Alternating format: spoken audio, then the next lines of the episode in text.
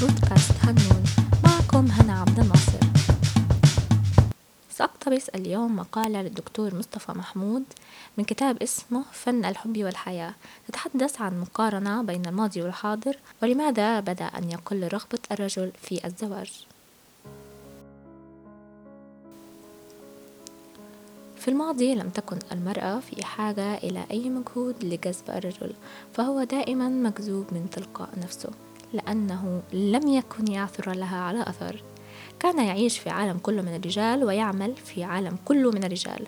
وكانت المرأة شيء شحيح نادر لا يظهر في الطرقات ولا في المدارس ولا في المكاتب وإنما يختبئ في البيوت داخل عباءات وملاءات وجلاليب طويلة.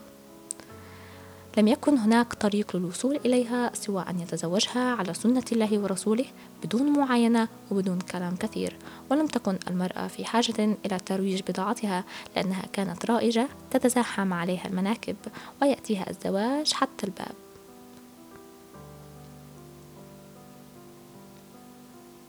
ولكن الظروف الآن تغيرت تماما.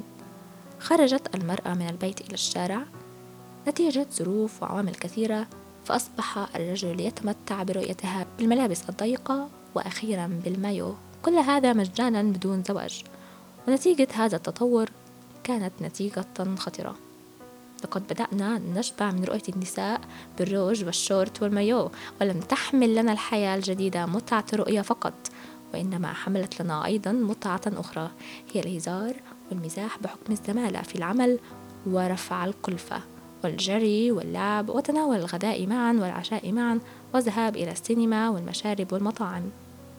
وهكذا فقدت المرأة هيبتها وأصبحت قريبة وسهلة وهذه السهولة أبعدت فكرة الزواج من ذهن الشباب أكثر وأكثر.